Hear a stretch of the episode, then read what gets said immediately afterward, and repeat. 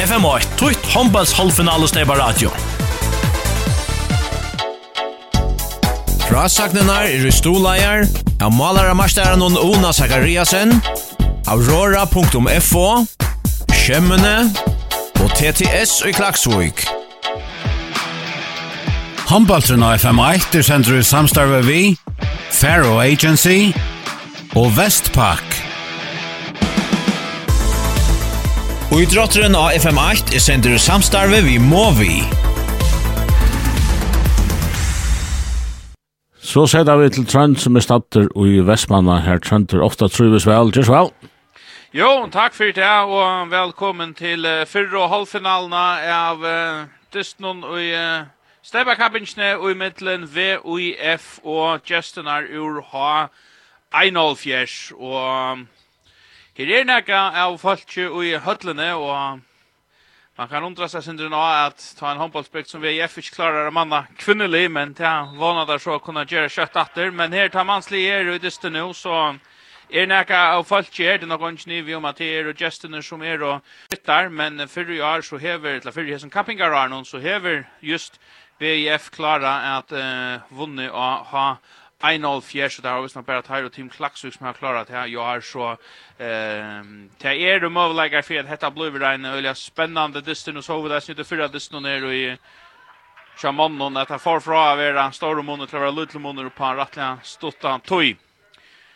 Og Daniel Rappa og Jakob Sverre Kast til her som døma i det, og tar hemma Brukslendene i distan i gang, Peter Krog er det som atler seg i jøkkenen nå, Justin er tar byrjar vi Paula Jakobsen i mål. Så er det Paula Mittun som uh, kipa spel her akkurat nå. Røyner at uh, planer inn, og så han skjøter der, Mjermekka Bjergar. Ole Mittun er det som enda vi er skjøter. Så færa Vestmeningar allop Laten er i mal, Hennes Kristoffersen er av bolten og midtfyre. Magnus Müller er av vinstra bakke.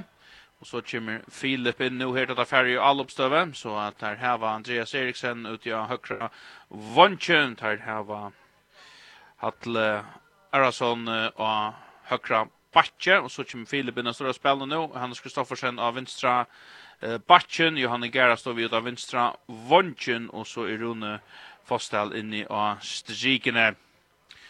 Och tja, har vi ner nummer 26 Janus Juros han är Vons noen i venstre i så stavier. Nå kommer Filipen her og prøver at bjøa av, og ta buss Uslemaren til ham.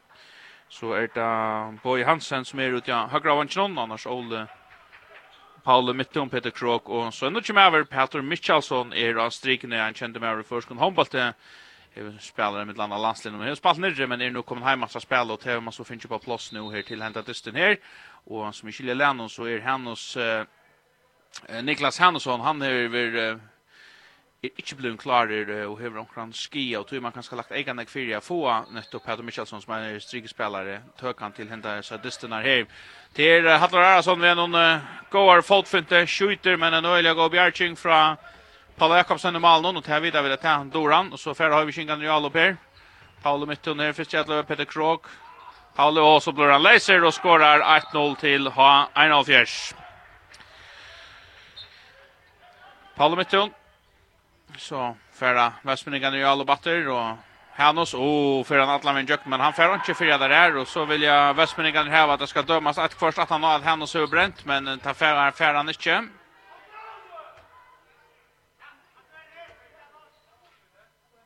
Ja, jag tog illa med dem akkurat det stövn här men alltså han släpper jöknen och han vill kanta över och allt möjligt där av en nice men Uh, Tomaren säger att här ska bara hålla fram vid spela. Västmeningarna är Golon og Dam. Blåa brøker, Höjvkingarna er i Svarston. Och alltså sådana myskareit av brinkene her om. Nå er det Ole Mittel som att av Jöknen Peter Krog skjuter. Räkar og i värje Chetna. Godt värje spel fra Höjvkingarna. Nei, fra Västmeningarna. Og Vestmenningen leba innast i høttlene her. Han og snor for han opp, skjuter ut og fra skårer. Mittlen plakatene som kommer opp, og i mittlen bein av Palle Jakobsen i Malnon, og så kan eh, ha en av fjersferdig i alle batter. Olive Mittlen Atlas her i Jøknen. Släpper ikke, det ble en trodje med kast. Jeg har så sett i gang. Jo. Fyra mot Farner, 1-1. Malopars här börjar vi. Prova där uta. Vonchen, släppa där Jöknen, Laten Bjergar. Ja, att det var uh, Boy Hansen som kom in från högra Vonche och är det gott lopp men uh, Laden Bjergar, så där Paolo Mittel mitt för en lilla folk hoppar upp, skjuter, skorar 2-1 till ha 1-0.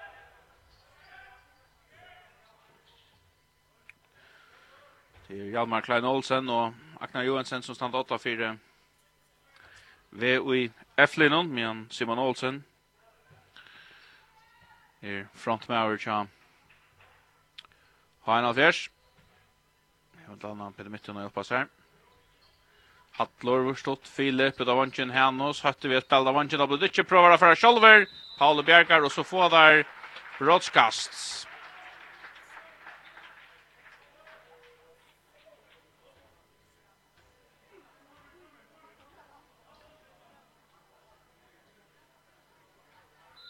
Hannos, kjør så klarer han. Skjuter ikke første fer. Är fer, ner och ut till vänster, skorar. Ja. Paul gör det onaktig vi hästar dömmingsna. Prövar han så själver. Och då var inte en boy för Fädron. Hon hoppar in där för att se att Laten bjargar. Laten bjargar. Tätna stajsne. Vi är för någon alla fast i bulten. Hannos. Filip. Inför. Åh, oh, Andreas Eriksson på läser men han skjuter av ståndsna. Här kommer rennande igen från Vojtjnun i högre. Kommer rennande igen på tvorsa Atlon för fädra bollen. Bryter in från Mine. Smäckar till han. Allt mål i kjot och i. Och jag har han en röjner av visa. Han lär sig att han miste bollen. Lock lucknade in. Man skjuter han. Han färdrar färra men han färdrar så stånd nu ut. 2-2. 6 minuter farner. Pedro Michelsson. Han kör som han röjnas igen. Pelle Krog ut från skjuter. Mladen Bjergar. Ja, Mladen ser ut som han Atlas är även gående å få det her til. Hattler för dribblande fram et tre stort. Hanno skal han skjuta nei. Høtter, men spelas ut til Hattler. Magnus Atlas har jöknen för Önche så spelar där strigna och där räcker vilja Jarn. Det är Rune fasta i strigna och så skiftar där ut så kommer Filip Jojicin.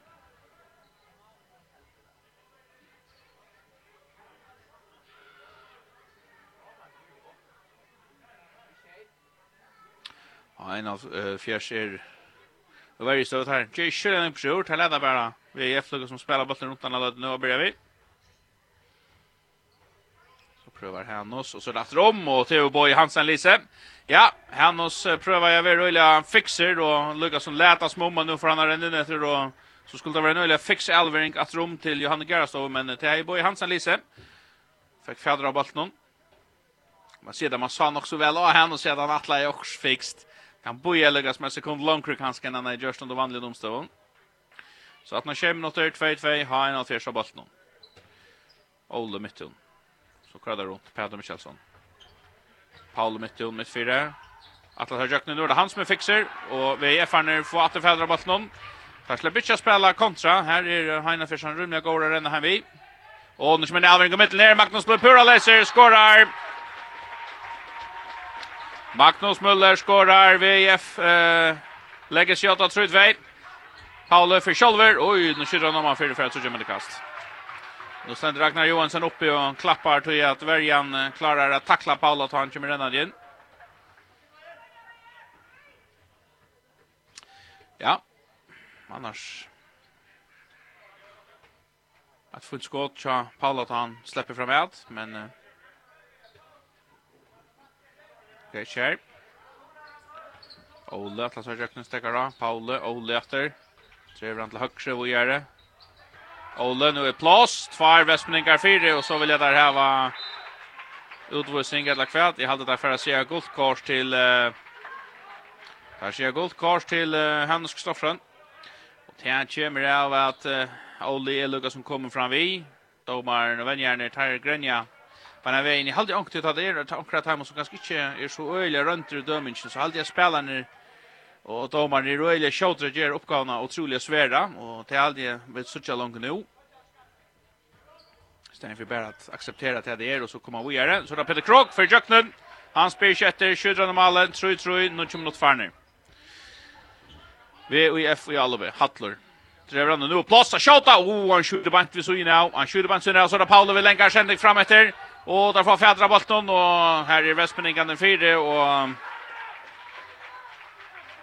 Jeg skal ikke gjøre Janusson Juros året, men jeg aldri var røy, eller kjøter at veida seg gulvet her, og vet man ikke fikk mer av Juras nær enn bare et frikast.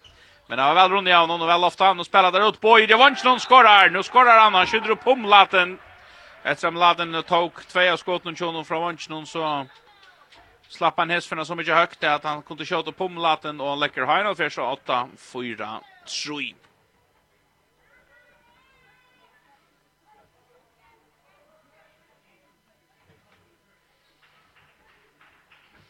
Bra västminningarna kvar runt där. Atlor. Ja, nu släcker han av Filip. Kör redan på två. Skötte vi att spela någon strikna och han dribblar. Han dribblar, han ger ett förnäck för dribbling förnäck och har en av tvärs förra stäv och bollen. Någon touch mot för ner för vi är någon Paule. In till vänster skjuter vi vid men han skjuter förnäck ner i han fär förnäck var kraft ner i golvet en bollen för bröster i golvet men nu pom ha VF i Albe här nu så då vanchen Johan släpper inte jöknen boy det kan väl. Och så är det att Hövkingan det kommer upp på plats Fyrbels Hattlund och Rönnran att släppa runt om. Alla vet hon men ja släpper han inte.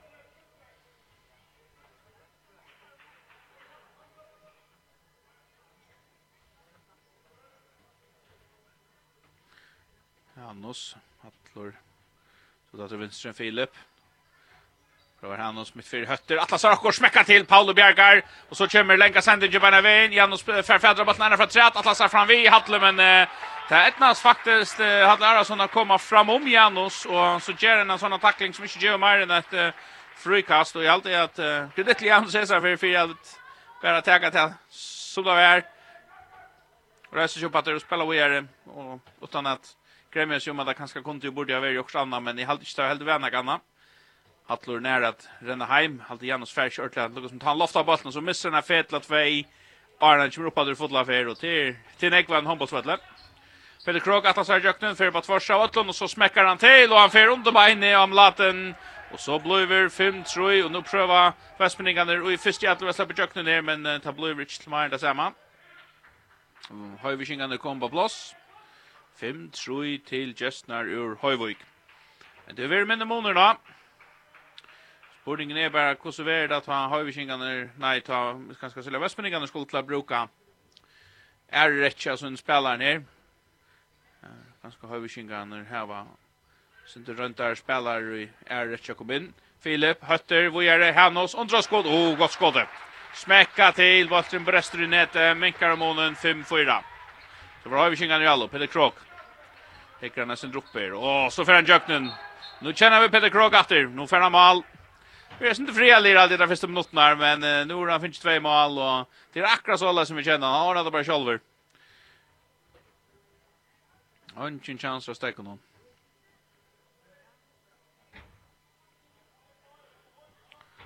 Sex, fyra till ha en av fjärs. Det där som ikke er smyr inne tja VF nesten alle tog, til lukka Filip og Magnus som blir dum. Men det er derfra det som ikke har vi kjent noen, men jeg hadde tar så just at jeg gjør en kruvskifting nå kjøtt. Havnås skjøter, oh, han skjøter vi så i men han er veldig en finker av krona har vi kjent kjøtt. Peter Krog Røyna spelar och skilter men i allt han vi känner eller kött att det var nog finken någon. Från att det här Hannos. Hattlor, och så kommer Filip från matchen och undrar skott, Paolo Bjergar. Høyvikingan er färg all upp. Paolo upp tripplar kjøtten og halvunna tja, uh, Vespiningon spiller ut av vunchen. Det er når Andreas ser för fädra bollen, vi er halvdagen, han tracka trakka i fält i hjernan fra fædra bollen, men uh, det er få der ondkje fire. Så är det samma som slut. det, det jag ska göra dem rätt. men domarne stand øyelig väl fire, så jeg kan ikke jo for at det er. Eh, nummer 8 eh Chimrin. Nej, det passar inte.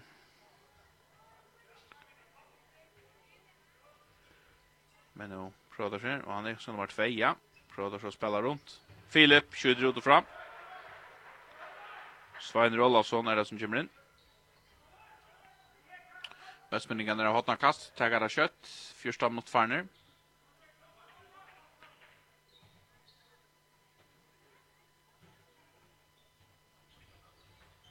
Prøver etter. Filip Røyne slipper kjøkkenen.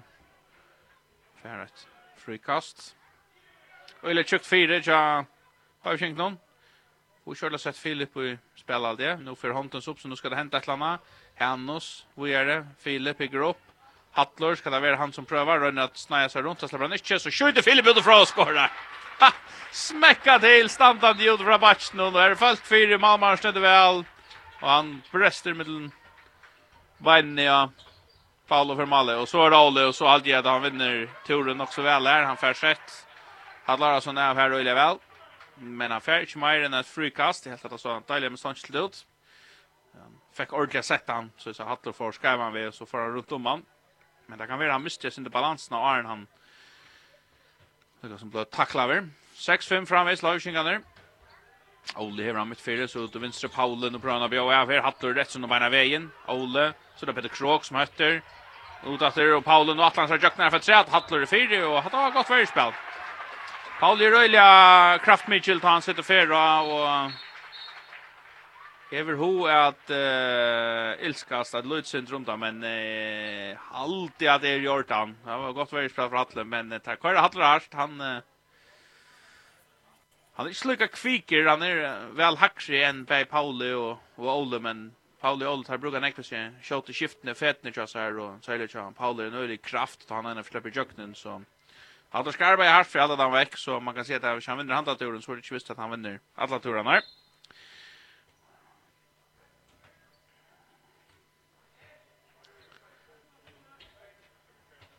pröva där att det är runt Ole Pauli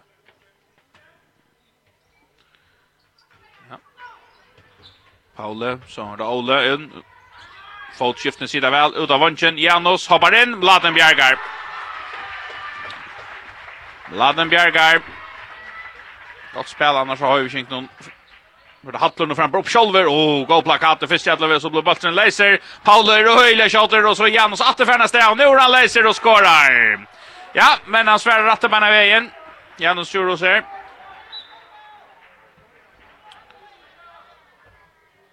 Hattlo var upp smäcka i till med en plakat av fyra bollen blev laser och oj tog Paolo fick fjädra bollen så visste han igen så affären ett öjliga gott sammanspel där här här. Och så kastar han bara bollen i rända banan från beina vägen. Och det är deras tre för igen och så färna steg kontra och finns fjädra bollen.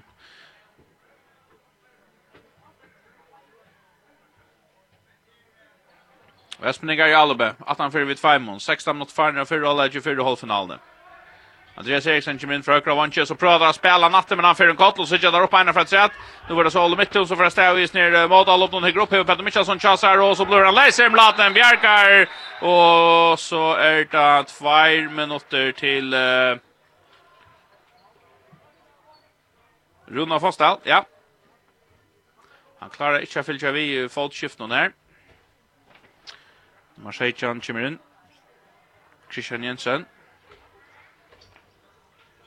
tja VF. Eller Jordan som bare klarer han ganska.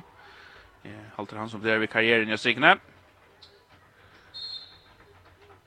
Så, Sjolla der, og till er... Uh, John Gård Johansen som är kommit in och han skorar opp av brottskastet till Sunne og och tar blå över 8-5 till ha 1-4.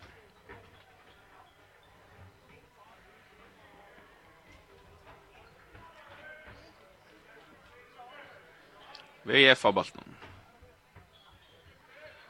Ja, han har skott spel här från Hanus in till Andreas Eriksson, men han fick fjädra bollen någon. Alltså tanken var goer, men Bavishing är otroliga, otroliga skjutra städer där på fjädra bollen. Och Paul är en stor passat i centrumalen.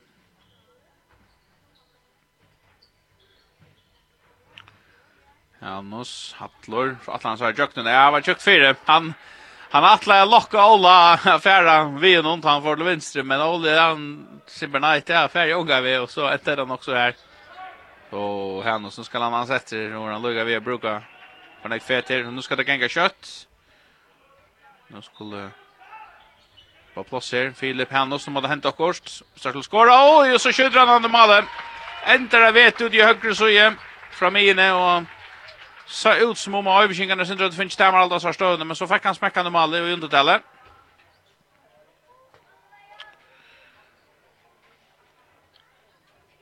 Kolsum i gärde kommer in. Han kommer inn at Shiba spiller jeg börjar vi men Gideon ändrar inn i strykene. Och nå spiller den där så han pura läser han skorar. Kolsum i gärde. Ja ja, där. Otroligt einfalt han kom in där og spalte spelade rundt, og spalte spelade så ut til Ola, og så backade jag bara strikna og her var onchen av dekkan, og så väntade jeg seg blir det blåste klokker. Så smäckade han bare bollen i Nå ikke checks. Så skal man nesten gjøre det.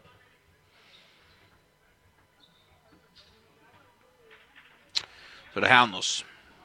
Det høyre til Hattler. Inn, nu er plass av Kjøtan, Paule Paul Bjergar. Han først först kon färja all upp. Sätta fotla färra. Peter Krog mitt för ensam hade för uppskjuter och nu ändrar av ett nästa faktiskt Västmanningen att få fäter och pressen ner. Abian Danielsen kommer in.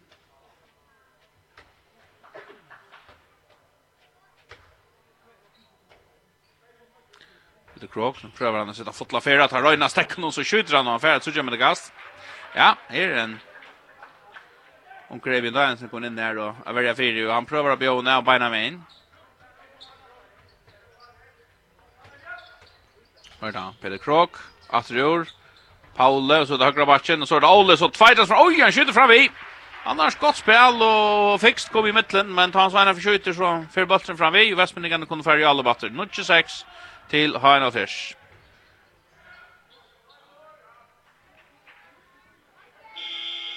Ja, og det er uh, VUF som teker timeout 18 av 19 minutter og 42 sekunder er 96 til H1 mot VUF og Ja, jeg skal si en ega så halde jeg kanskje at uh, Vestmeningar har vært et pikkel ute sin drehepner i en feimund støvun her. Der har vært krøster til sørsta kastnastand eller sørsta alvering og der må bare skjått og så er bare stannet farne malig lukka vel.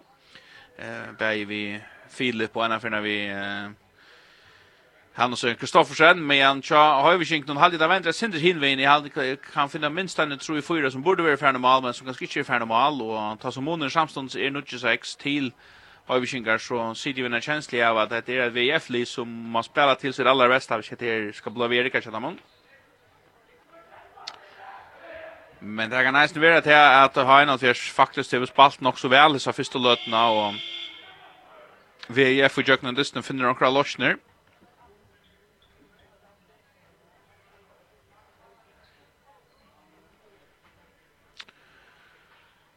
men en Philip som ikke er här vi hos ja som inte ordet släpper till skott särskilt ofta att jag kan man klara ut av Västmeningen då.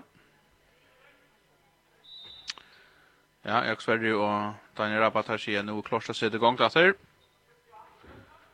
Och det är Philip ut till Hattl så kvar där runt där. Philip i mitt fyra. Hannos Philip stäcker sin dra. Och kan lucka vi blå fänka över Snyder och någon som själva han spel så bara rotat där. Filip vill öle gärna släppa skjuta och här är här är och Bludl håller men han släpper själva till. Filip och så kommer bollen ut till Janne Gast och vi har vunnit någon hoppar in och skorar. Det vet jag håll i hade leda efter Janne så blir det lucka och så prövar han att skjuta och så blir det till lucka så ändrar vi så Snyder runt honom så själva han för att spela bollen i rummet till Hattel högra backe. Och Kvar ser där här. Nu var en file utskifting av omkring slag och det har kostat 2 minuter. Og vi kjenner han er øyelig kjøter, og det er femmaren som glemmer en uttalje. Eivind Danielsen, og han yra seg i sne, og så kjøpte jeg der en tvær som færger utland bare veien, og så gjør vi igjen at det er som kjøver noen et lite klappa her han her, bare så han ikke mister nægge, men altså, ta til sagt, altså, det var ta med simpelthen kjenta for VF bare nå. Her har min kommune til Nutsjekjei. Ta svimmen kommer inn at her. Fikk det mal i Jan i hjernen.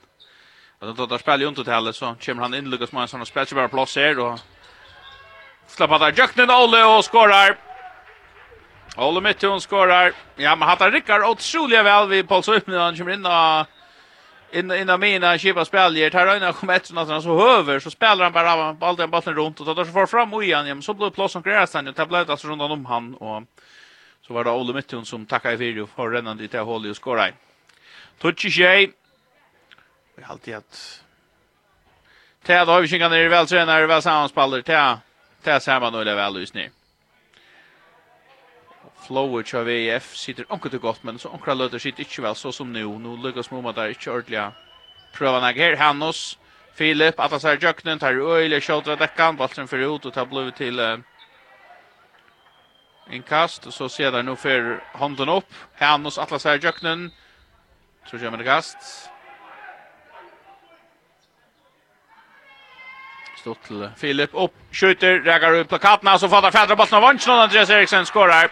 Ja, här var det öppnet där få Fädra retur men himme man ska snart Donald Andreas tagga ut om han för returen och Ter Andreas här som för någon. Han har först få Fädra bollen släpper in, smäcka till och så skorar VF och Jontotalli och att som har ena fiskarna kanske vet nog det visst nog allt det att det händer inte, det händer för lite ser där och tyska han kom upp på sin för så då fast Vi är förna brukar han gå och låta oss ner. Nu spelar den där till Paul Simon. Åh, han skjuter driver lägger like, den bollen för fram. En där för gott spel. Öjliga, öjliga, öjliga. enfalt. Ett två spel runt han och man. Eh, men hesa för när Färran fädra bollen och jag vill se om han känner Nivleggen in så jag sagt har det gått mål. Han inte vill skjuta med Nivleggen och blåft och så. Så det kan bli sjöligt gott. Men allt grundspel helt det var funka. Oj, vi skickar öjlig, öjlig, öjlig einfalt han är. Ta få sen går lagt trust då. Du er og Vestmenningar fullmannar, men uh, tar spela i banan vi Tjej, Hattlor för upp, smäckar, oj, han knallar han i kassan, upp från Grabatje Vinströn, smäckar till närmast stång, minkar om munnen, tutsch och nutsch nu ifrån Narskast Hallaget, där far nu 23-20 minuter.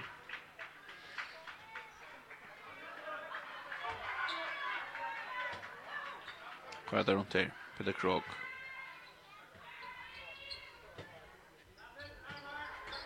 Vad är det? Paul Metton för upp. Oj, hänker han och i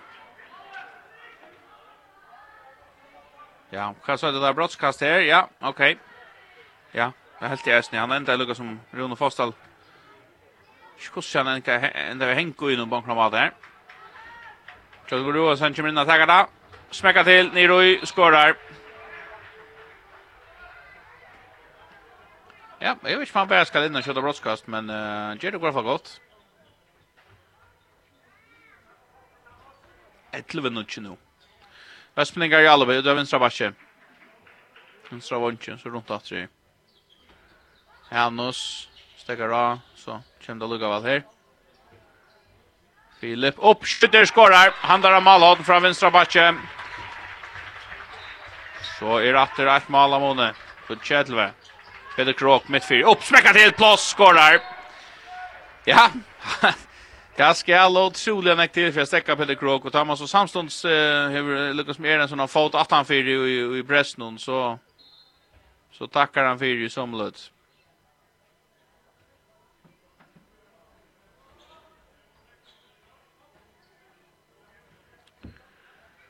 BF i alla bättre. Oj, Filip, nu kastar han bollen för högt och tända vet han blir inkast till eh, ha en av Fjers, Tar tega døyla kjøtt, men uh, Vestmenningan er nå kom på plass. Jeg vet ikke hva det är Det er ganske gemen elver, en ganske elver ut fra, men han får bare sende den ju på om, og i rom atlan vattlen, og så er vi uh, ha en av Fjers av balten natt.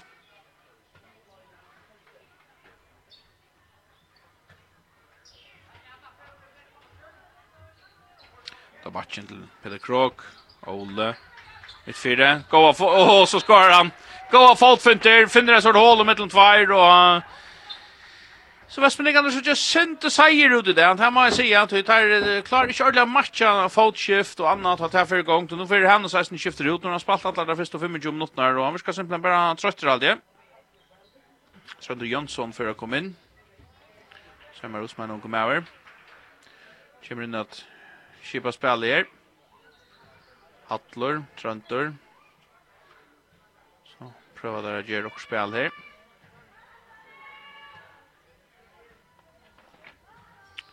Rune kommer av strikene. Filip, Hattler, skal han opp. Trøntor kommer midt fire, prøver. Legger han ut fra, så er det Hattler, og så er plass. Skjøter, skårer!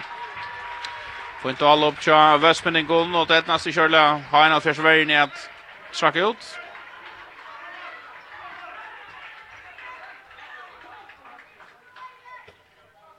60 mot Farner, 13-11 til Gjøstner ur Haen og Fjers.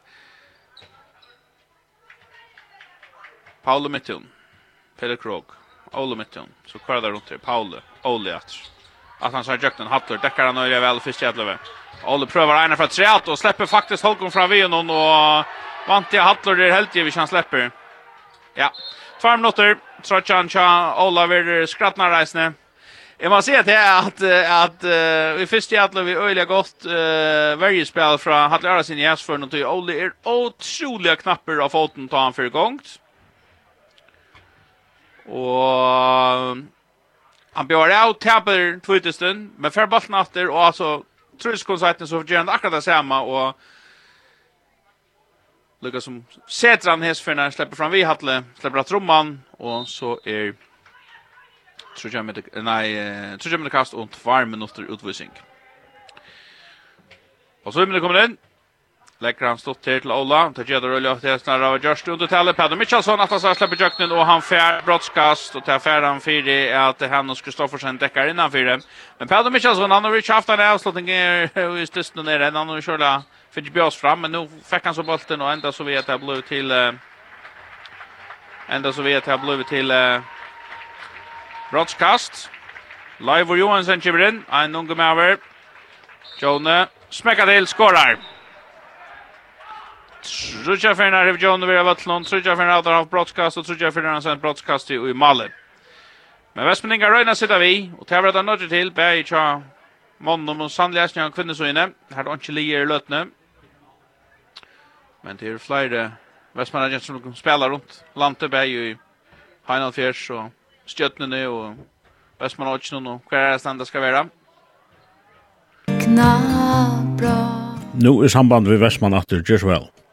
Jo, takk for det. Jeg vet ikke hva det er, men uh, vi der så er, og her er timeout til 15-12 til uh, H1 mot uh, VUIF. Og jeg vet ikke hva vi men det er sørste målet som H1 Alfjers det var altså i Ivitali, og Det tar da litt å spille, så har stått og elvringene der, Paul Søymen og Det är som Pedro Michelsson som ända vi har fått här alla. Men det är väl rätt större väl att det har givet här. Jag ser 24 alveringar så sier det bara mål. Og nu er så 15-12 her er minutter etter en til Høyvikinganer som foreldre tror Trøstad. Har det damme kommende malet til Høyvikinganer, nei, da man helt rundt om malver nå. Da mitt fyrir her, Paule, Peter Krog, skal han vore nei, Paule, og da vant ikke en boi, hoppar inn, skjøyter, og Mladen bjergar. Og at det tog man ganske helter at ta der er juntetallet, så skulle der helter Vestmenningene bare samla sin jamin, og syrja for at ta översingene må kjøtta brett, etter, tog at uh, Bæg Janus og boi og Hafsen er avbjørn går ut i Venknon.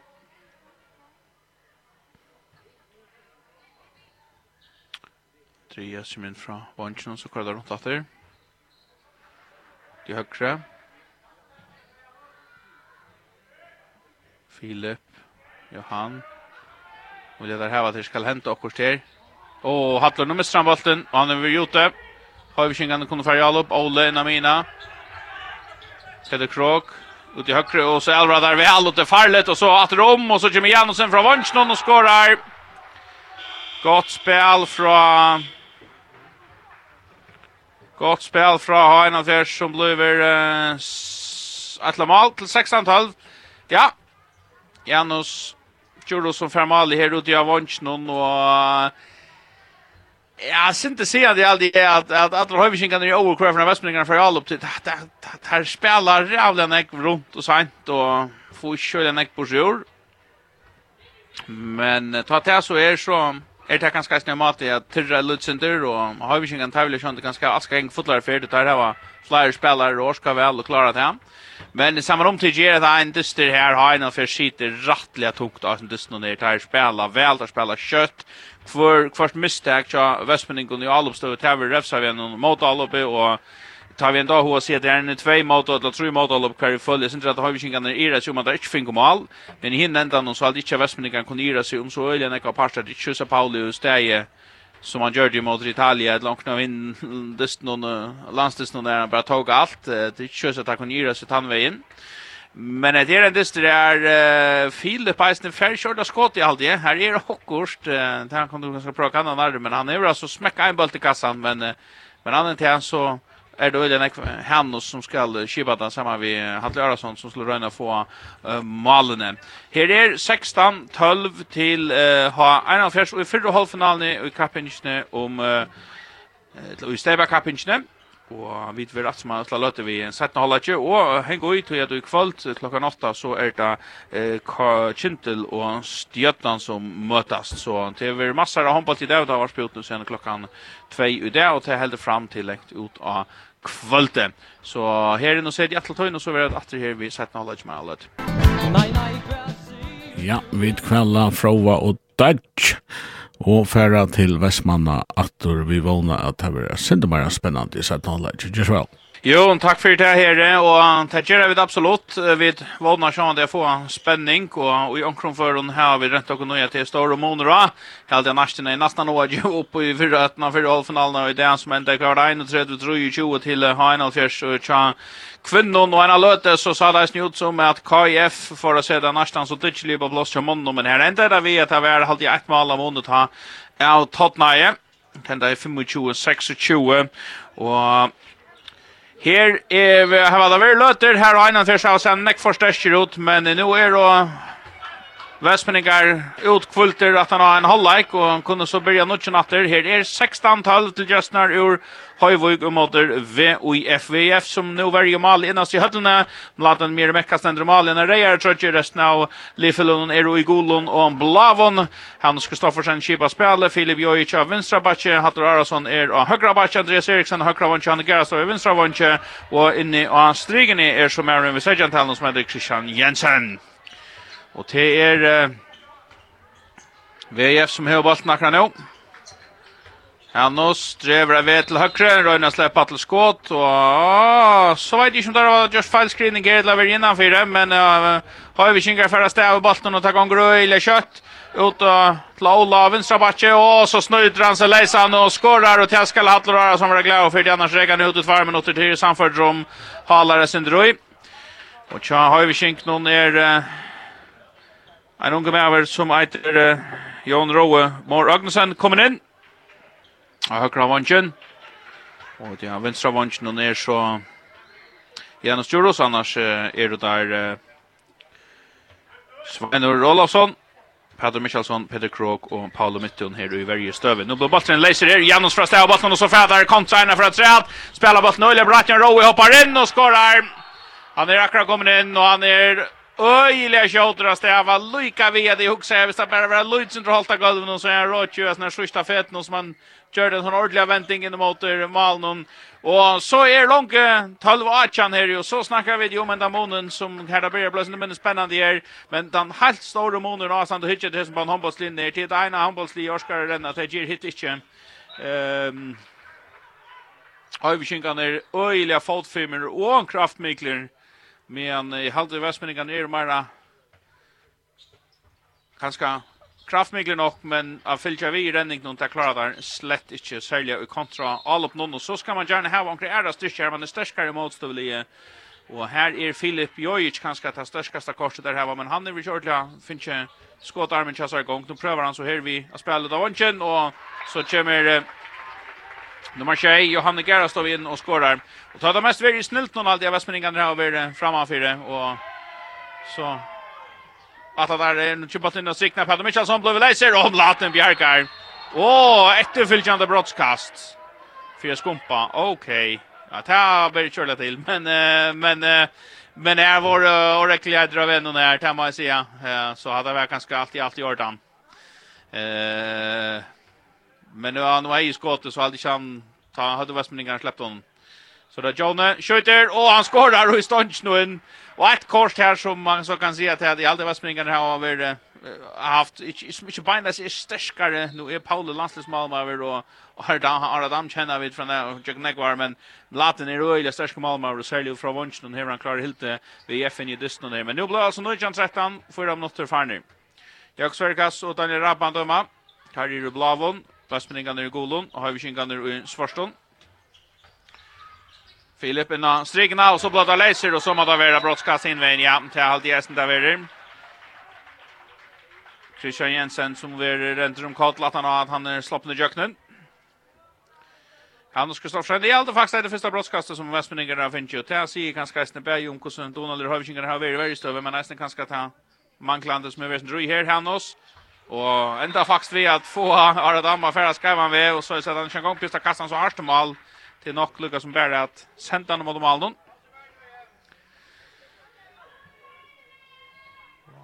Har vi kinkar færa så Jarl Batter.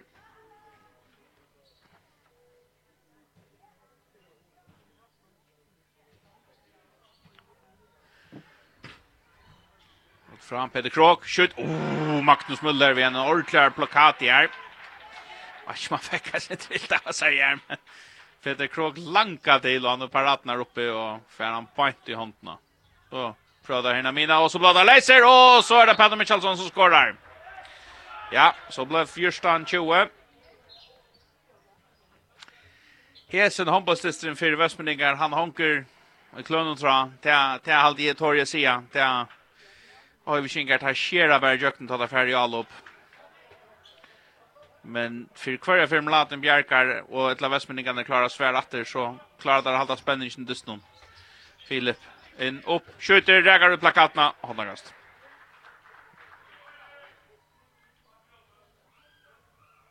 Andreas Eriksen teget det Teget Tekta stått här så flyttar där bollen runt han oss. Stått upp fra till Filip. Magnus uppskjuter, skott, skorar! Väl skottet. Inte öliga väl spalt. Inte en kraft och uppspel någon och annan. Öliga enfalt och smäcker han bara till skorar. Bra Olle och då vanchen. Janus för fädra bollen Färre med redden skorar. Svär åter beina vägen. Olle mitt och lägger trust då. Träcker så till sina högra in mot domine och ut han ger till så slätter han bollen ut till vänster och inifrån vanchen här kommer Janus Juros rännande och han Först förstjäl sen när 2 meter Arnan släpper hopp in i fältet och så sender han bollen i Mali, så alltid det så här stretchen ut men han får så bollar det ut att han att han lenter, så får han liksom runt originen upp och så för ena stäter så det är en ölig kraft som gör att han får runt. Hannos oj det väg händer lyckar han och så Kristoffersen jag kan nå. Spelar det väl Andreas Eriksen. Åh, det är gott mål där. Andreas kommer in från vånchen och det ger han ölig väg och kommer ända i mitten och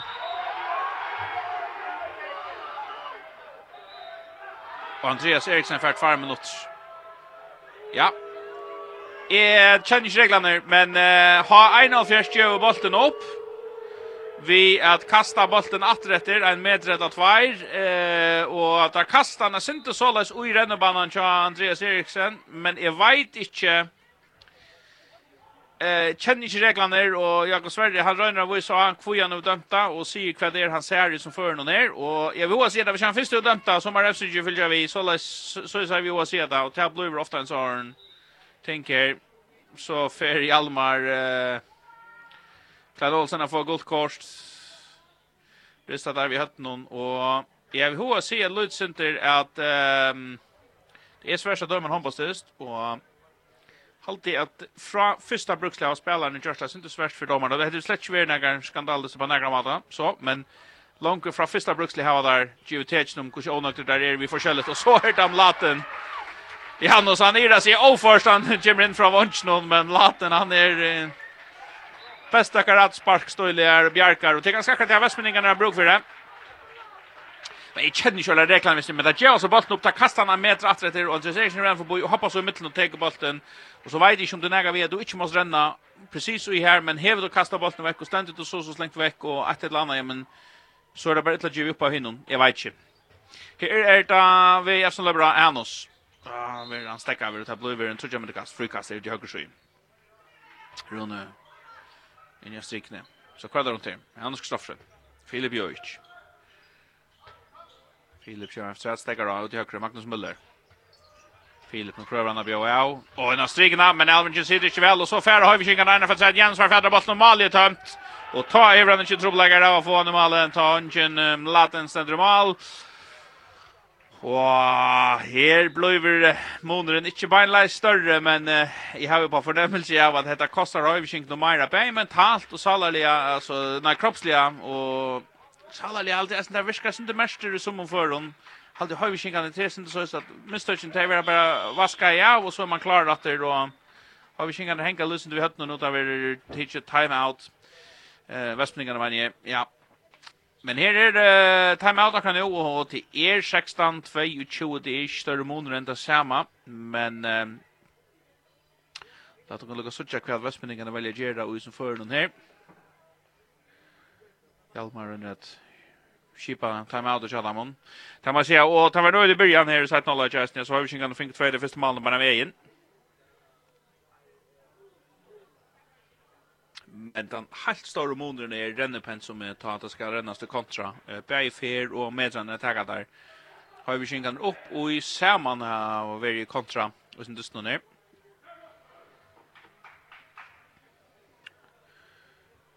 Johan Paule Högnesen för att komma in fyrir Vestmenningar.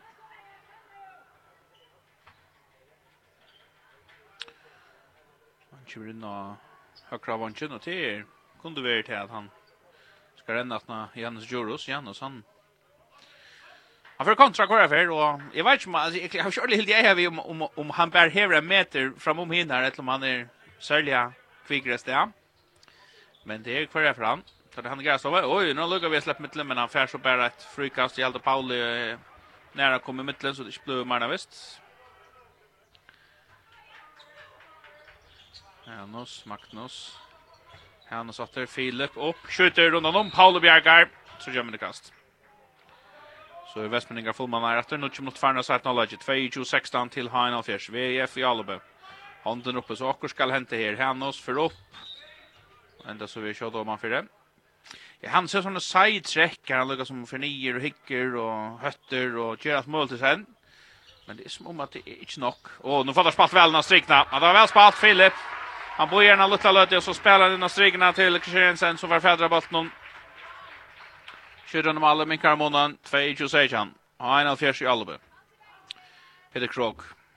Ja, nu färdar Uda Mansverja. Uda Mansverja, Ola och Paula Mittun. Så för Peter Krogberg, Jökning Kjolver. Släpper fram vid Magnus och Müller. Och Magnus Iras i oförs. Han rönder nockla vita att hade får något att hämta en sån förs med där. Spurningen är sjuk för att ha en alls som tar tacka timeout kött. För att lösa upp för tog egentligen kanske häva till långt i shoten är om kostar där skulle och Gera. Filip. Agnos och driver han till högre för upp så skjuter han. Åh, Paolo Berger men här fyller ett så gör man det kast vi. Paolo för ner ut till sina vänster och fär akkurat fätra bollen om. 20 minuter rätt. Tror ju tjus ej. Hannos, Filip. Åh, så blir han pura laser och Paolo Bjergar. Och brottskast.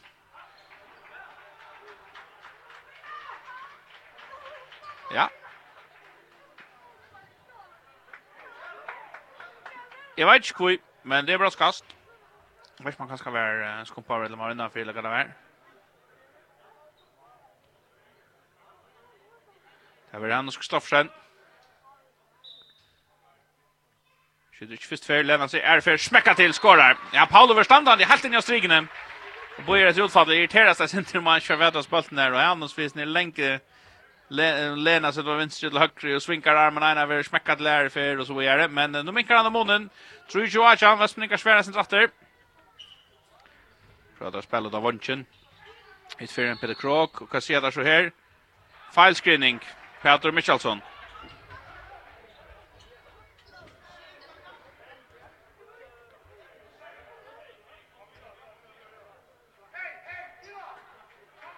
Vi är Robert Men jag är en tja Ha en av fjärs.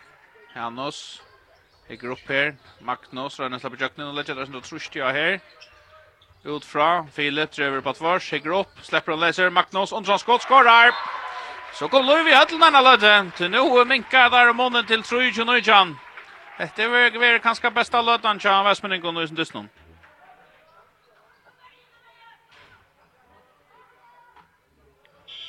så ser där eh, timeout och det är Pint som blir grog att läsa upp på skjuta så jag vet inte man att det ska lyckas få skott vi först men uh, Rockor som rycker vi FA akkurat nu och jag sa ens ni att det snär Simon Vanjaren tja ha Jag vet Simon Olsen att han hallar epidemitten till så och tog sig taktiktalmarna fram och så får han att flytta sig runt på brickan där så Han har sikkert också med tidigt att han med ute nu han har löter för att lösa upp för en kron. Nu är det bara fyra alla månader. Nu är det spänning i alla gång. Tack om vi gläs om. Och... Vi ska se att det här med inte mera rollet i vi har hajnat för sig någon här. Simon kanske har bruk för att få det taktiska på plats.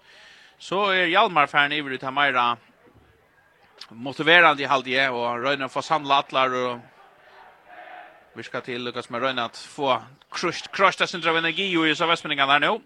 Det har fått av bruk for seg sørste løtene.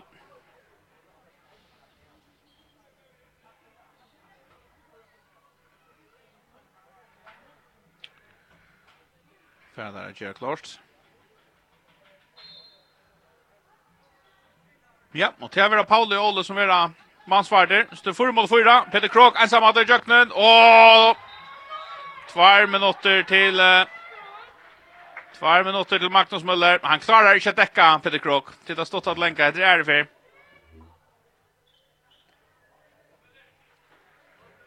Så er onkur åra drottar i middel her. Peter Krok er ikke nøkte vi. Magnus Müller uh, hever ho at få domaren til Jotspar og på et eller annet broadcast. Kjønnegård Johansen er en skårer kart av 4-4.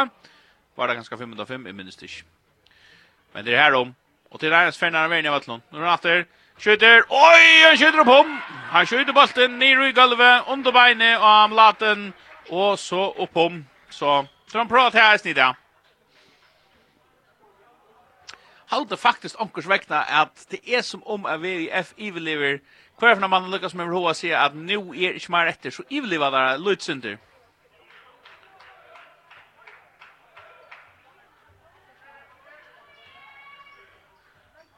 Hva er det rundt her? Johan Paul Høgnesen kommer inn etter nu och högra back.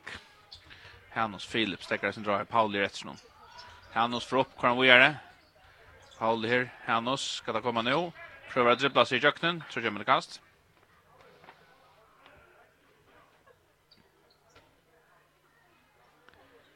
Og vi är här, Hannos. Paul. Paule, det där har hånden upp her. Hannes misser bollen, nej han vinner han atter. Och så kommer skåd och Paul Bjergar! Paul Bjergar! Ja, Över håll Jöknen är stannade beint i viklen och skåten ner. Han kom in av vänstra batchen han och så här och så smäckar han till. Och så kommer han snart till Paula. Svinkar till dem här och han tvajt sig ner. För att fädra bollen. 3-2 Nujan, har vi skinka för alla bivet heller, og tar matcha på Sumen kommer inn av Mina, står den strike spelaren Chalamon, og så tar han spalt bollen så fram innan strikna Chalvern, så kjent over lugga dem Kesfernar, og tar spelat där sånt och man, och så tappar Jan Rowan från Vonsen och skorar.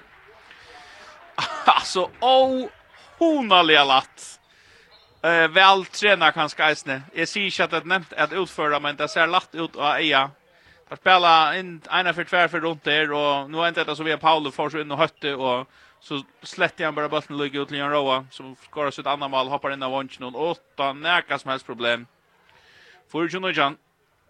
Men nu var det hastant vangren så skit och inte tar mitt fyren så. Det var friare. Hannos. Och nu missar bollen och så för Janus Renard. Det är målet tömt. Åh, han skjuter om han vidare. Åh, han är sig. Han skjuter om han vidare. Målet är tömt men lad ner av en mål så han kan inte bara trilla bollen i målet. Här ska alla lyta syndra för nästa till av få målet. Men han skjuter inte för harst. Och åter är det Janus. Han är otroligt skjuter ställd från som vann Och jag nästan hur att säga det här här är alltså Eisner Westmendingar så borde onkel borde kunna runda lösen åt någon men det är bara så Akkurat att spelarna striknat ett Jo, inte. Johan försökte skjuter Paul Bjergar. Ja, då tror Jonsson som kom in efter att uh, Kiba spel gör spelade Jon Peter. Jon Paul Orsaka. Läsa ner. Spela där när strikna. Åh, oh, där Jarva spelar Peter Michel som var fjärde bollen släpper han vänta med Laten Bjerkar och så är brottskast och tar färdan för att skumpa och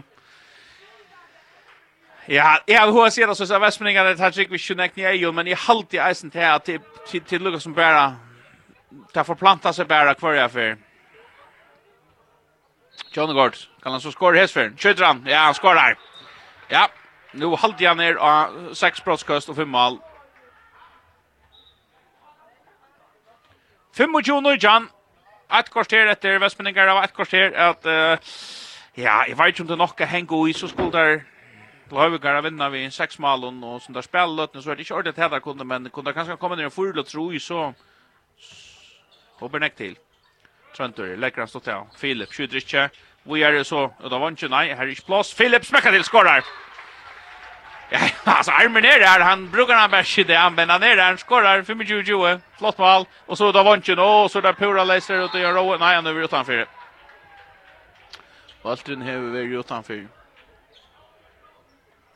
Han var röjlig plats och åter är men men är pura fröjer till Västmanland kommer inte få plats åter. Och här mamma ser att det ser runka hövskingarna är och allmäntliga väl fyra tror jag inte. Hadlar Arason kommer natter, han är vid sin drottan fyra, så nu är backsedan Hadlar och högra backe och Filip på vänstra backe och så är det Sönder Jönsson som styr spelen. Så kvar där bollen upp där. Hadlar Filip mitt fyra för upp skjuter Paolo Bjergar och att så gömmer det kast.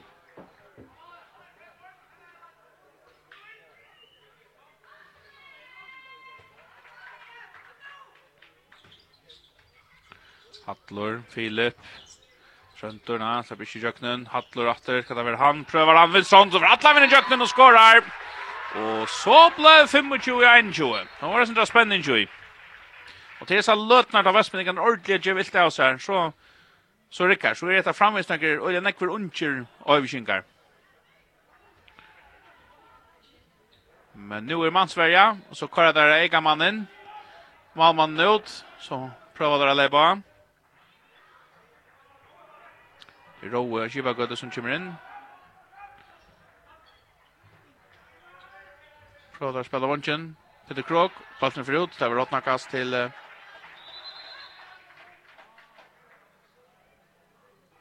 Og vi kjengar takk at det stått her. The Krog, Paule. Røyne slipper Jøknen, Laten Bjerkar, Trudja med det kast.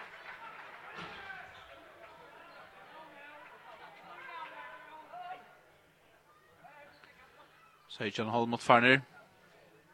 Petter Michalsson. Kastar stått her, så Ole, Paule. Nu til høyre til Peter Krog. Ole, nå får han inn i sin kvikføtter ned, slipper inn leiser her, Peter Krog. Oh, der missar bolten, men der får han atter.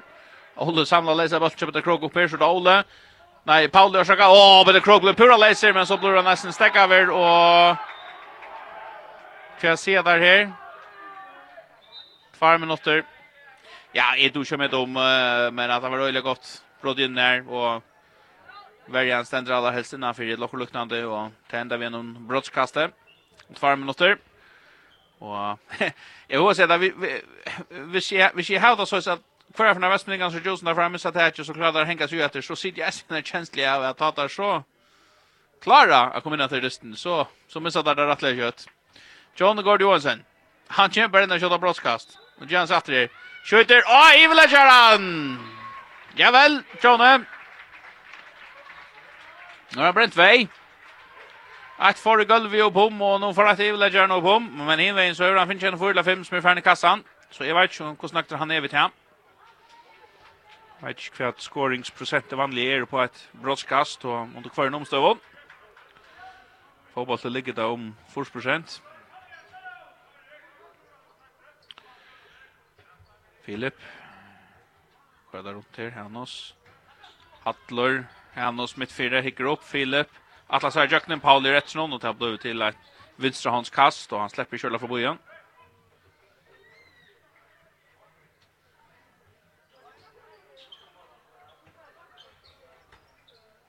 Rotta till Hanus. Lägger han stått av. Filip Ås och skjuter han längt ut och fram. Paul fär hånden Paul fär hånden av. Vi är väl att ta efter här är och ett lum något rätt än och det snön så här kan jag vänta.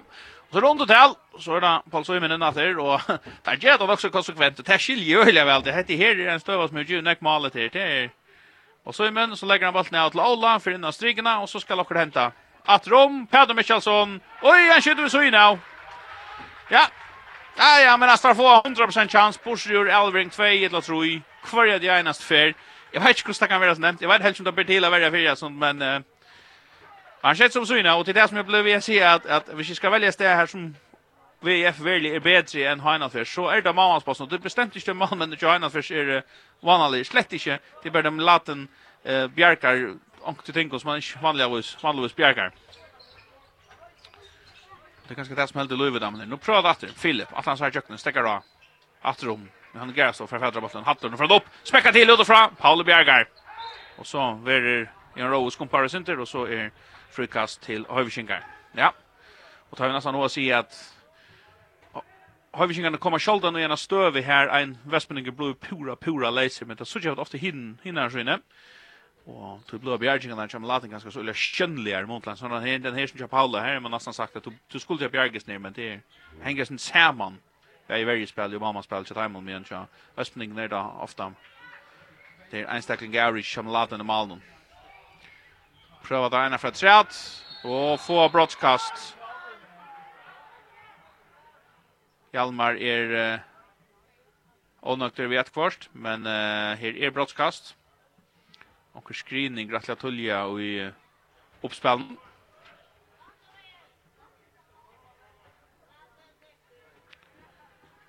Tjenar Klorstat.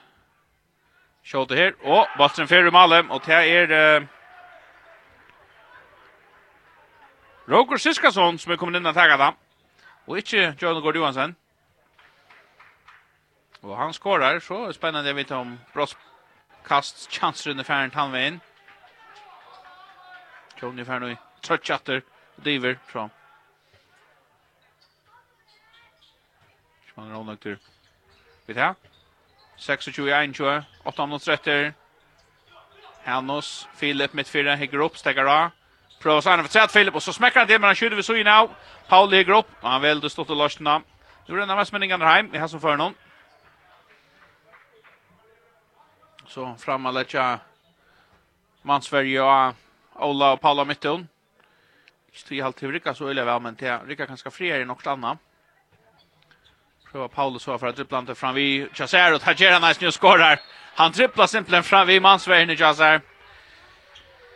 Och skårer till Sheiju Anjo och sidan han er øyelig kraftmedel altså han er, han sitter färra men han då först när han först kom på så innan där så så ska då vi ha något snack för att klara att hänga in och ta klara han gör så vi chans för någon. Og kvar David Fem och strikon i vitalt spel og i alla oppstøve västmeningar ner. 2 minuter för ner. 21 21 til ha en alls. Og nu prøver han så kommer Jack Nenta plus pucks og han skjuter på mål för att få et tredje kast.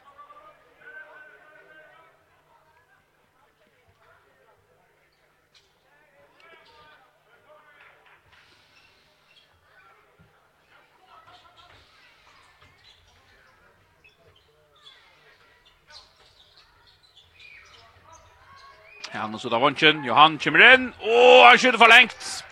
Det er alltid Paul Velisian rattliga vel her under Malnon. Fylker og noen atler vi inn, og får ikke ordentlig 100% vinkelen der, men också vel. Og i alt det at han er for atlas har kjøtt opp i andre av Malhotten, så hever Paul Velisian og vel.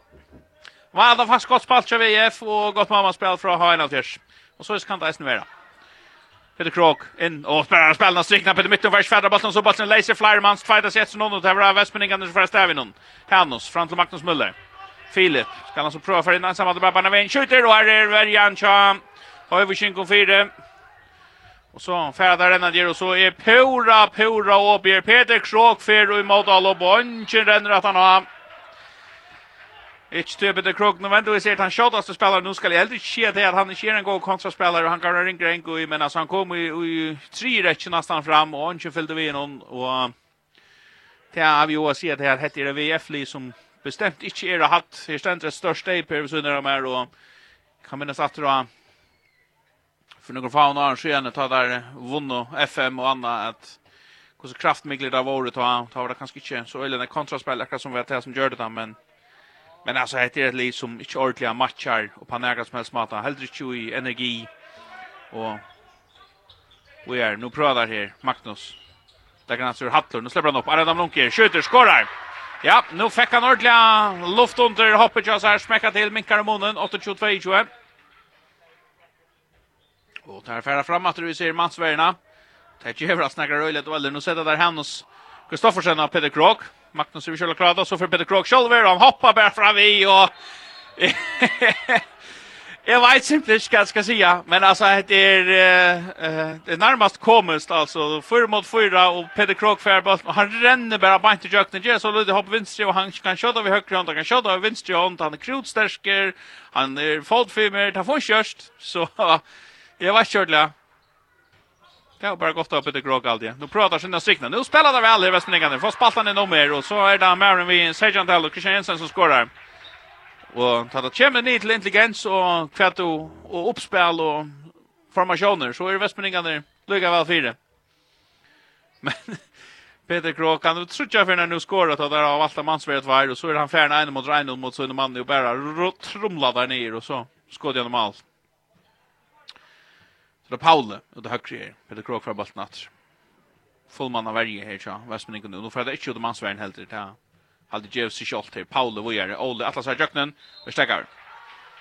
Her løtner da Vestmenninger her, finner ikke hett Rikka, ikke. Det snart akkurat her. Det er tatt en trutje mannslukke som samlas under noen tans med Bolten. Og en gang Elvan elveren eller lager som helst, så rykker.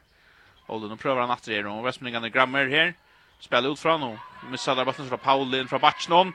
Og skal så släppa han till Janus, men domaren döma frikast och Janus han är ju det gärna så där finns ju skott i helt en frikastet, men jag har inte vet inte om det kan gå spel så väl här är så för Peter Krog ena för att tre och nu är det framme vid runda eh Fastel och så skjuter han bollen i mål till 30 22. Men det är nästan sannolikt att jag nog kommer att ta her og för Magnus upp här att Peter Krog ger och myntliga gå om just nu. Flyers nu snur, unge inte någon. Spelar den Weir, bollen blir laser. Och fattar Fjärdron och Tjejen sen efter att han skjuter av ståndsna. Peter Krok för Fjärdra bollen. Ja, och det är Filip Wirt, han med över en 4 VF som skjuter en 8-touch mål som kanske Gert hade löser upp för att de nog kunde ha vi också Jerry och misstök och kicks och för något annat slogs oss när gunda. Jag hade till det som händer här för hövsingen sälja. Det här var Sandliasne just onkrar här men det är öle shooter att kom i vidare. Och tar det så ständer IM så är det ganska som Peter Krok som har trackat till och skott igen för fem mål och här är en mot och Tadjer Munden upp till Tjejmal. Då Oles för Jöknen Weare, Paule, Peter Krok smäckar till, kör drömman för det.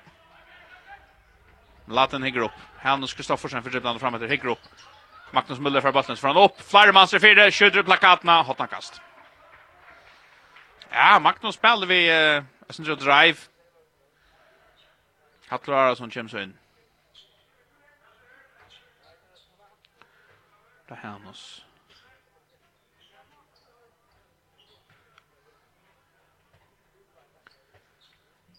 Hennes för upp. Ja, han stäcker han av. Spelar sig ur. Magnus ska ta över han. Smäcka till. Paul Bjergar.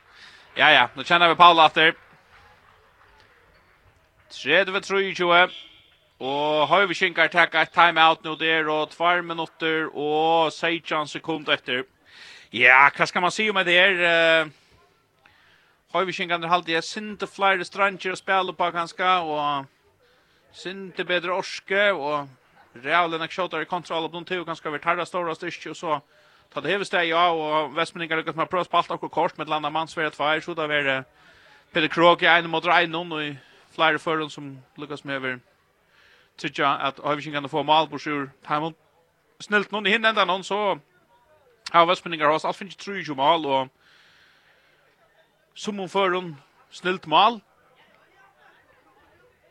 Men det var ganska väl några stöver här bollen är ända av så så att har vi kan det första och alltså Moini är ju shit här till Laten är en öle stor parser av VF fram så usen dysten han har haft den här 28 stora bjärgingar usen dysten ner.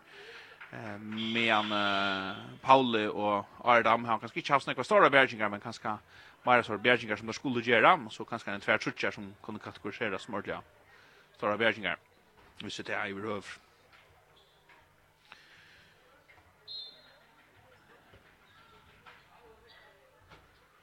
Her har han fjers mer av ballen. Nå er det snøy mer om nødstøttelen om Rove Suskasson. Nå har han kommet inn av bakken. Her er helt bare kommet inn av kjøla brottskast. Og han skårer en så får vi ikke. Pedro Mikkelsson. Mitt fyr her. Prøva der att rom och Pedro Michelsson läser skorar. Olle mitten för kommer in färbolten kastar han att rom så Pedro Michelsson var out och och så är mål. Och jag tror han så första dist i att nu i en av men som också han känner där väl. Så är det Magnus Müller ja. Släpper fram vi eh, Roger Syskason där. Ferminko Monen 31 24. Se hvis spänningen nu finko 1-2 3 så kanskje vi høyde en dyst til 17 halvna, 17 halvfinalna. Paule, Ole. Hvor er det ballen rundt her? Peder Michaelsson kommer ut fra her. Han har spalt akkurat Atlantis nye strikene. Ut fra her, Ole ut i högra. Roker. Paule skal det være han. Nei, oh, det er Elvra har flott loft av Ole her. Helt av hva resten til Skyver Og så tvajtar sig i mitten och skorar. Flott mål av Ole mitt her. här. Krossar sig i mitten tvär och då blir det 4 20 åtta mål av Mone. Ha en alfjers, fyra vinna greit her og i fyrre og halvfinalene. Vestmenningene køyra i Vital og i Alopstøv. Vi har ikke der her var så ille nekva missa, men der her var kanskje mer vinna vi har fått av malet. Alt tror ikke kun der gjetter. Hannos för upp Elver Ruda Vanchen, Andreas släpper i jöknen, Hattlor för upp skjuter ut och från skjuter väl om han fyra. Och här tagar där rollet, skolt om här var en löta arm, latten slapp. Att sätta fyra mot räknomalen. Paule. Ja, Peter Michelsson. Ole, Paulin fra vinstra bakken här släpper laser och skorar. Skorar till til 33-24, Vestmenningene får en chans här. 90 sekunder etter, Hanus for dribblande mittfyra. Och så halde han atta seg bara. sjolver, spelen och strikna till etna strikje, Och så kunde han kända bollen och ett. Nej, det kunde inte. ikke, Malevert stemt, laten stå här. 33-24, ända där till Hain Och så vinner Pura Grejan eh, säger av VF som ankra löder mäkna i Hengo i. Men i ver uh, trus minutter så var det ganska som man fruktade sin till tajna för miska så för rolla inte ta vara kräftna till Westman kan hänga och öliga favon heron med en hövskingan är ganska bäj här sin det bra här där och samstund så är kunde fördela det. I resten av flyger här och ta halde i var månader nu allt kom till allt